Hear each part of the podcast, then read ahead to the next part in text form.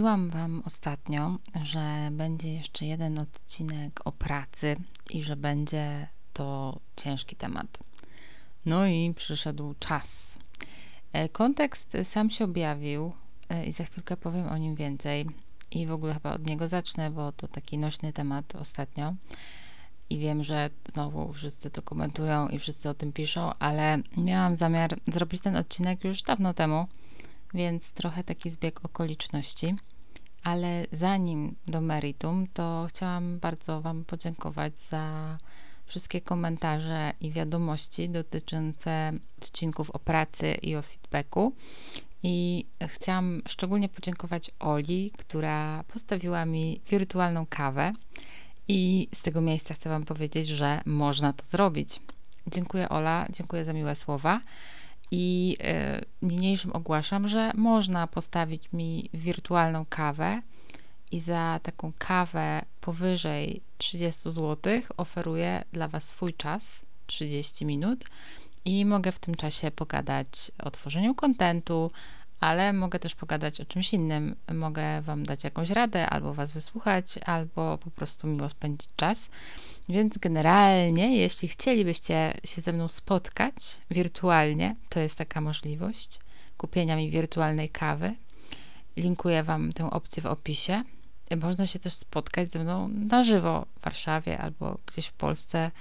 E, dajcie znać, e, jeśli ktoś by chciał w ogóle, ale też nie musicie tego robić. Możecie po prostu sobie słuchać i subskrybować kanał, albo na przykład możecie ocenić ten podcast na Spotify to też bardzo dużo dla mnie znaczy i bardzo się dla mnie liczy. Koniec ogłoszeń. Dziękuję, że słuchacie. Jedziemy z tematem. Temat jest z grubej rury, bo e, kilka dni temu moja dawna redakcja, Wirtualna Polska, opisała sprawę odejścia Tomasza Lisa z Newsweeka i mobbingu, jakiego Tomasz Lis e, dopuszczał się względem podwładnych. No i w mojej bańce od mniej więcej dwóch tygodni no może trochę mniej. Nie mówi się właściwie o niczym innym, tylko właśnie o mobbingu. I bardzo mnie ta sprawa poruszyła, bo jednak to jest po pierwsze ta bliskość z branżą i oczywiście przy okazji Lisa wychodzą jakieś różne inne przypadki. No ale właśnie jest to też bliskość z tymi niestety zachowaniami podobnymi do tego, co się działo w Newsweeku. Dla tych, którzy nie są w temacie, szybki y, recap. Mm, pod koniec maja Tomasz Lis rozstał się z Newsweekiem, był redaktorem naczelnym Newsweeka w trybie natychmiastowym i nie podano przyczyn rozwiązania umowy, a sam Tomasz Lis zaprzeczył jakimkolwiek informacjom, że był mobberem i stosował mobbing. Natomiast redakcja Wirtualnej Polski, konkretnie Szymon Jadczak, dotarł do relacji kilkudziesięciu osób, pracowników i byłych pracowników, którzy mówią właściwie jednym głosem, że takie zachowania mobbingujące miały miejsce. I oczywiście po tym pierwszym tekście pojawiło się jeszcze więcej osób, które jakby podniosły ten temat. E, mm, po tym, jak stanowisko naczelnego w Newsweeku objął Tomasz Sekielski, to ujawniła się też osoba, która właśnie zgłosiła Lisa i zgłaszała te jego zachowania mobbingowe, Renata Kim. I do tego jeszcze wrócę, ale chciałam Wam zacytować taki fragment, który mnie bardzo poruszył i zaraz Wam powiem dlaczego. I to jest fragment właśnie z tekstu Wirtualnej Polski, z tekstu y, Szymona Jadczaka, który też linkuję w opisie odcinka. Cytuję. Ostatnie kolegium Newsweeka prowadzone przez Tomasza Lisa, poniedziałek 23 maja. Do redakcji wpada spóźniona młoda dziennikarka. Jedyne wolne miejsce czeka tuż obok redaktora naczelnego, który właśnie opowiada z przejęciem o spotkaniu Andrzeja Dudy z Wołodymyrem Żałańskim. I gdy chce pokazać, jak prezydent Polski uściskał prezydenta Ukrainy, przyciąga do siebie dziennikarkę i zaczyna ją obłapiać, ewidentnie naruszając jej strefę komfortu. Dziewczyna sztywnieje, nie jest w stanie wydusić z siebie słowa sprzeciwu. Po twarzach zgromadzonych widać, że sytuacja budzi ich głęboki niesmak, ale nikt się nie odzywa. To prawdopodobnie ostatni przypadek negatywnego zachowania Tomasza Lisa jako naczelnego Newsweeka. Inny fragment. Cytat. Kolegia są w naszej pracy najgorsze. Wszystko zależy od tego, w jakim nastroju będzie szef. Jeśli w dobrym, to zacznie opowiadać świńskie, pełne seksualnych odniesień kawały i wszyscy odetchną z ulgą. opisuje pracownica. Fakt opowiadania przy całej redakcji wulgarnych seksistowskich dowcipów, seksistowskie aluzje, knajacki język potwierdzają wszyscy nasi rozmówcy. Sytuacja z newsroomu. Naczelny zagląda w dekolt jednej z redaktorek i komentuje kolor jej stanika. Przypomina sobie były redaktor. Były też okropne kawały o gejach. Koledzy geje z redakcji fatalnie to znosili. Opowiada inny redaktor. Dalszy ciąg relacji pracownicy Newsweeka.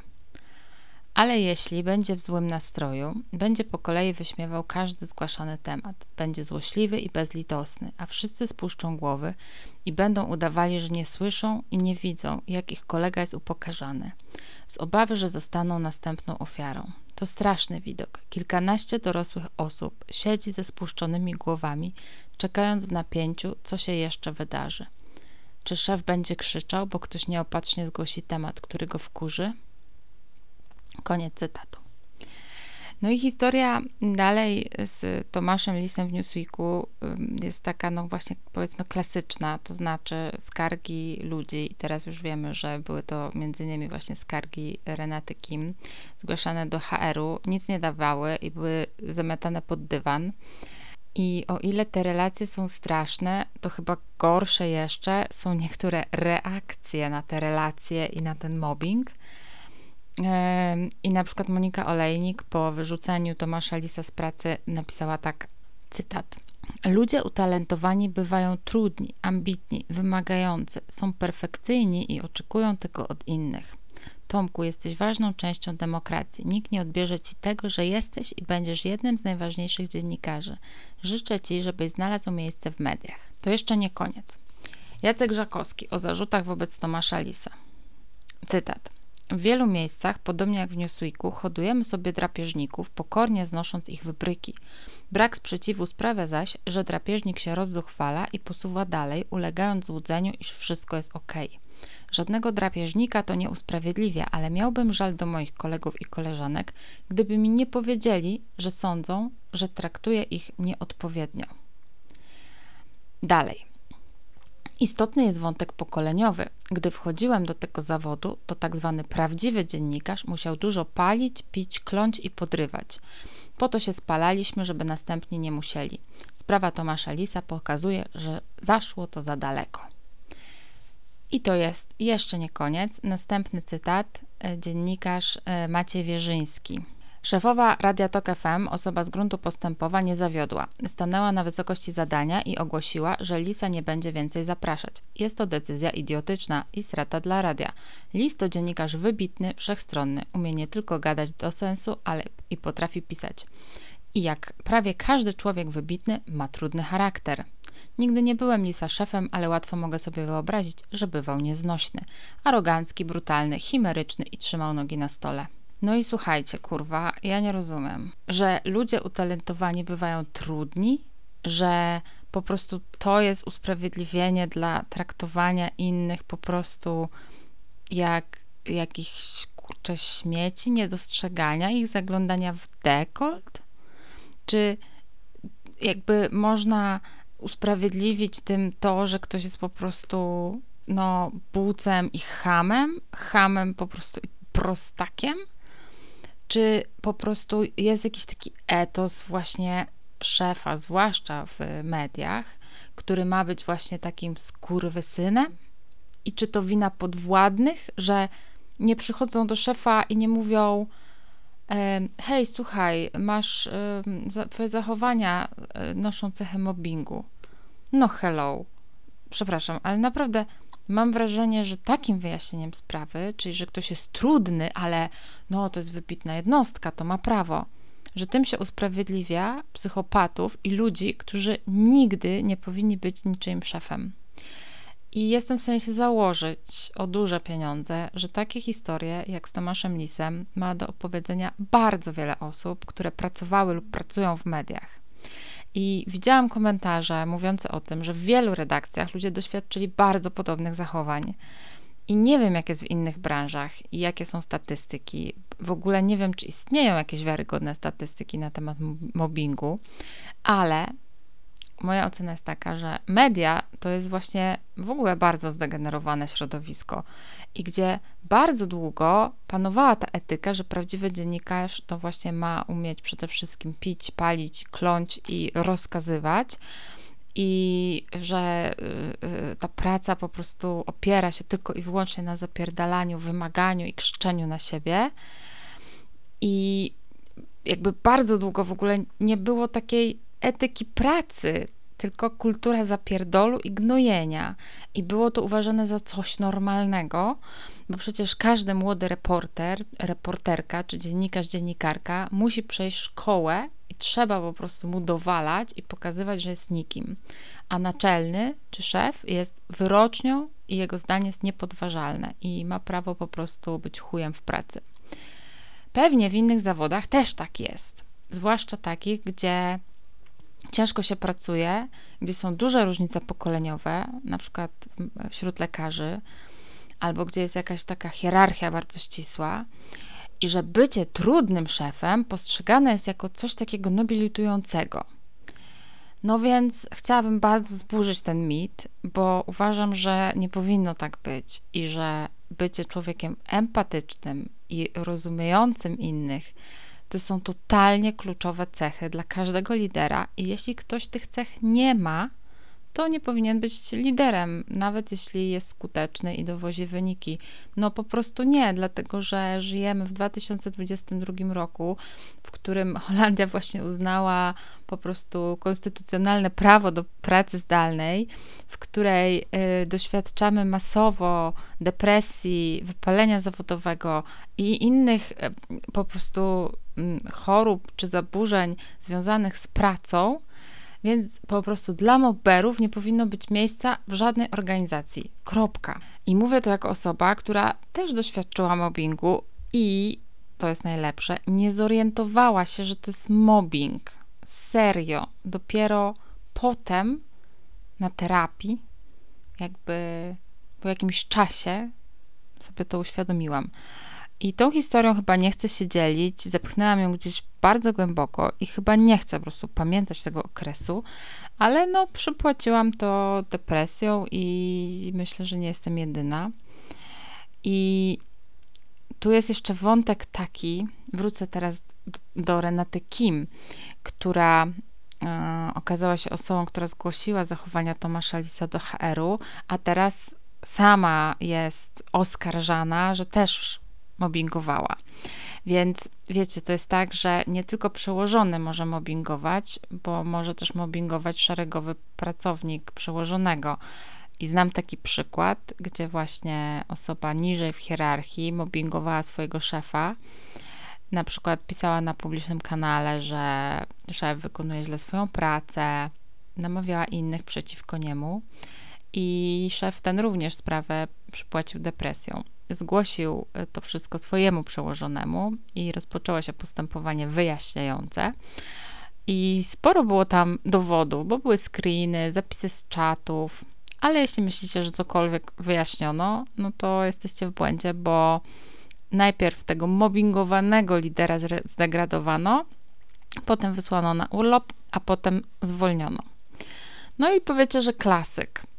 Ale wiecie, wiele środowisk to są bardzo małe światy i jak pożegnacie się z jedną firmą, to nie tak łatwo znaleźć nową pracę, no bo jak to się mówi, smród się ciągnie za człowiekiem. I mimo, że wy nie zrobiliście nic złego, to wy dostajecie po głowie i jeszcze musicie udawać, że wszystko jest w porządku. I nie dziwię się w ogóle, że wiele osób rezygnuje z pójścia do sądu, a często przecież nawet nie ma się umowy o pracę, tylko B2B i wtedy w ogóle nie ma mowy o mobbingu, bo mobbing występuje tylko wtedy, kiedy stosunek pracy, czyli musi być umowa o pracę, a jeśli jest inna forma zatrudnienia, to nie, nie, jakby nie można iść do sądu pracy. No w ogóle czaicie to? Przecież to jest totalnie nielogiczne. Przecież wiele osób w ogóle nie widziało w życiu na oczy umowy o pracę, a w mediach to też jest rzadkość i dopiero od jakiegoś czasu zaczęło wchodzić. Ja na przykład widziałam umowę o pracę przez całe trzy miesiące, ale tak to w ogóle zapomnijcie. No i nie wiem, nie mam tutaj rady. Może wy macie, no ale jakby nie wyobrażam sobie też takiej sprawy jakby zupełnie zostawić. No albo się zmienia chyba pracę, albo się szuka, nie wiem, może jakiegoś innego sposobu. Wydaje mi się, że nadal wielu z nas, wiele z nas zaciska po prostu zęby e, i idzie dalej. E, i, i, I jeśli szef nas mobuje albo podwładny nas mobuje, no to gdzieś próbujemy się z tego wydostać, ale rzadko, rzadko jednak idziemy po, po pomoc po prostu. Mm, I wiecie, to jest tak, że ja sobie też tak uświadomiłam, że skoro ja byłam mobowana, to znaczy, że prawdopodobnie nie tylko ja i że po prostu inni też. Inna historia. Też e, ze świadka, powiedzmy, dosyć mi znanego. Wyobraźcie sobie, że do waszego zespołu dołącza osoba na juniorskim stanowisku i niestety jest to osoba słaba w tym, co robi. Nie wiadomo, kto ją zatrudnił, nie wy, nie mieliście wpływu na jej zatrudnienie, po prostu dostaliście takie piąte koło uwozu i macie zadanie to koło czegoś nauczyć. No więc uczycie cierpliwie, po kolei, wyjaśniacie błąd po błędzie, co jest nie tak, chwalicie, jak coś zrobi dobrze, e, jak coś spieprzy, to cierpliwie przechodzicie przez całe zadanie, dajecie rady. No generalnie jesteście po prostu aniołem, stróżem i zajebistym nauczycielem. No ale wasze piąte koło uwozu czasami słucha, co macie do powiedzenia, a czasami na przykład nagle wybucha płaczem. I w końcu, po jakimś entym razie, kiedy coś jest zrobione nie tak jak trzeba, e, to jakby nie dajecie po prostu już rady opanować irytacji, no bo ile można. Trzy miesiące komuś tłuczecie do głowy i nie ma poprawy. No i w końcu mówicie temu kołu uwozu, że sorry, ale to nie może tak wyglądać. No i zgadnijcie, co się wtedy dzieje. Piąte koło idzie się poskarżyć wyżej i oskarża Was o mobbing. I powiedzcie mi, co czuje teraz osoba, która przez kilka tygodni poświęca swój czas, by kogoś czegoś nauczyć. Ten ktoś ma to w dupie, może po prostu mu się nie chce, a może po prostu za wysokie y, schody. I teraz ta osoba, która po prostu no, wykazała się tą cierpliwością, musiała z kimś się z kimś męczyć, zostaje oskarżona o mobbing. No, przepraszam, wydaje mi się, że y, są osoby na tym świecie, którym nie można dać feedbacku i które totalnie nie są w stanie przyjąć do wiadomości żadnego feedbacku, ani że coś zrobiły źle i odbierają po prostu krytykę jako mobbing. I to są osoby, które płaczą po każdej rozmowie, z szefem czy z kolegą i jak sobie teraz z tym poradzić. I jak sobie poradzić z tym, że wy tylko naprawdę chcecie get the job done, a ktoś tego nie potrafi i w związku z tym oskarża was o to, że go gnębicie. E, historii ciąg dalszy był taki, że najpierw e, przełożona E, naszej bohaterki tutaj interweniowała, ale jakby na niczym się to nie skończyło. Więc sprawa trafiła do HR-u i tym razem HR no, stanął na wysokości zadania, ponieważ po wysłuchaniu obu stron ustalono, że żadnego mobbingu nie było i nie ma o czym mówić. I potem miała nastąpić konfrontacja naszej bohaterki z piątym kołem uwozu, ale nie nastąpiła, bo piąte koło odeszło z pracy. No i niby dobrze się stało, ale co gdyby nie odeszła ta osoba? Jak się po prostu rozwiązuje takie sytuacje? Czy ktoś w ogóle z HR-ów mnie słucha? Może porozmawiamy sobie o tym, bo to jest jednak bardzo ciekawe. Bardzo chętnie poznam Wasz punkt widzenia. Czyli kumacie, no można być psychopatą i gnoić ludzi na zebraniach, także wychodzą z nich z płaczem, a można być osobą wspierającą i cierpliwą i też zostać oskarżonym o mobbing, bo egzekwuje się po prostu obowiązki i czyjeś zadania.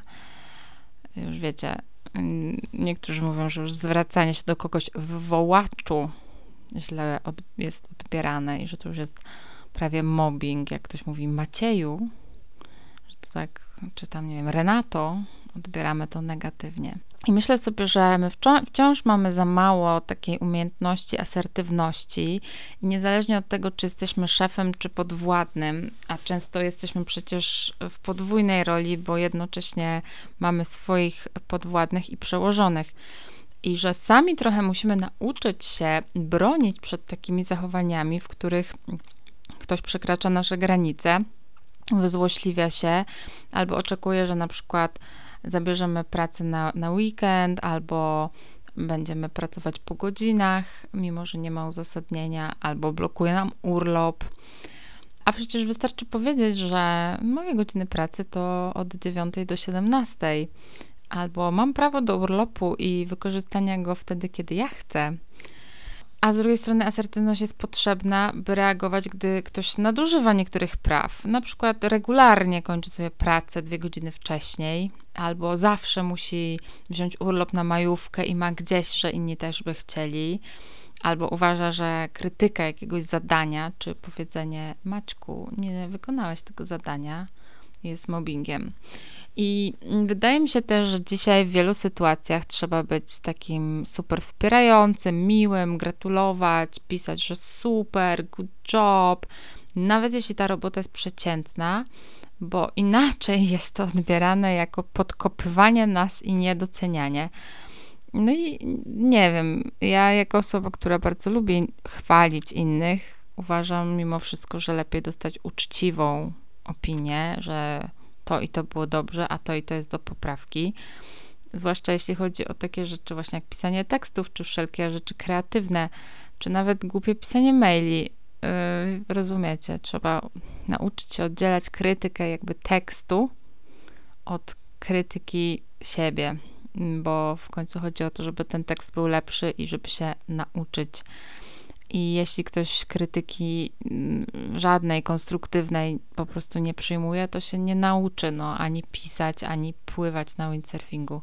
Ale jeśli byście chcieli nauczyć pisać e, lepiej, to zgłoście się do mnie albo zajrzyjcie na mojego bloga. Ale puenta odcinka, nie wiem jaka jest puenta odcinka, bardzo mnie ta sprawa rozwaliła i śledzę troszkę co się dzieje, a jednocześnie patrzę na to z dosyć dużym niesmakiem, bo no, potwierdza to niestety właśnie ten stereotyp świata mediów jako takiego jednak trochę bagienka. I jestem ciekawa też, co wy myślicie. Myślę, że to są też w ogóle ważne tematy, bo jednak w pracy spędzamy mnóstwo czasu i to praca tworzy w dużym stopniu to, kim jesteśmy. I warto, by miejsce, w którym tak dużo czasu spędzamy, było miejscem, w którym lubimy przebywać, a nie takim po prostu, które wywołuje u nas mdłości, ataki paniki i nocne poty. Więc jeśli ktoś chciałby się podzielić swoją historią, można napisać mi maila, można też napisać do mnie na Facebooku albo na Instagramie. Mm, I dajcie znać, czy chcielibyście jeszcze posłuchać o pracy. Myślę jeszcze o kilku tematach. Może Wy też macie jakieś pomysły. No i nie pracujcie za dużo, odpoczywajcie, dbajcie o siebie i do usłyszenia.